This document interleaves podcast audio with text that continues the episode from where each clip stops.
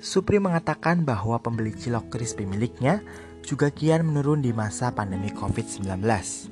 Hal tersebut dapat dimungkinkan karena pembeli cilok langganannya dimungkinkan takut keluar rumah, katanya. Meskipun begitu, ia mengatakan bahwa rezeki setiap harinya pasti masih ada yang datang berkunjung padanya. Supri juga mengatakan bahwa ia mulai membuka dagangannya sekitar pukul 4 sore dan tutup pukul 10 malam. Meskipun suasana pandemi menurutnya adalah suasana yang sulit, namun ia juga mengatakan bahwa terkadang masih ada saja yang membeli dan memborong banyak dagangannya. Dan dari masa pandemi ini, ia juga belajar untuk bersyukur menerima segala keadaan.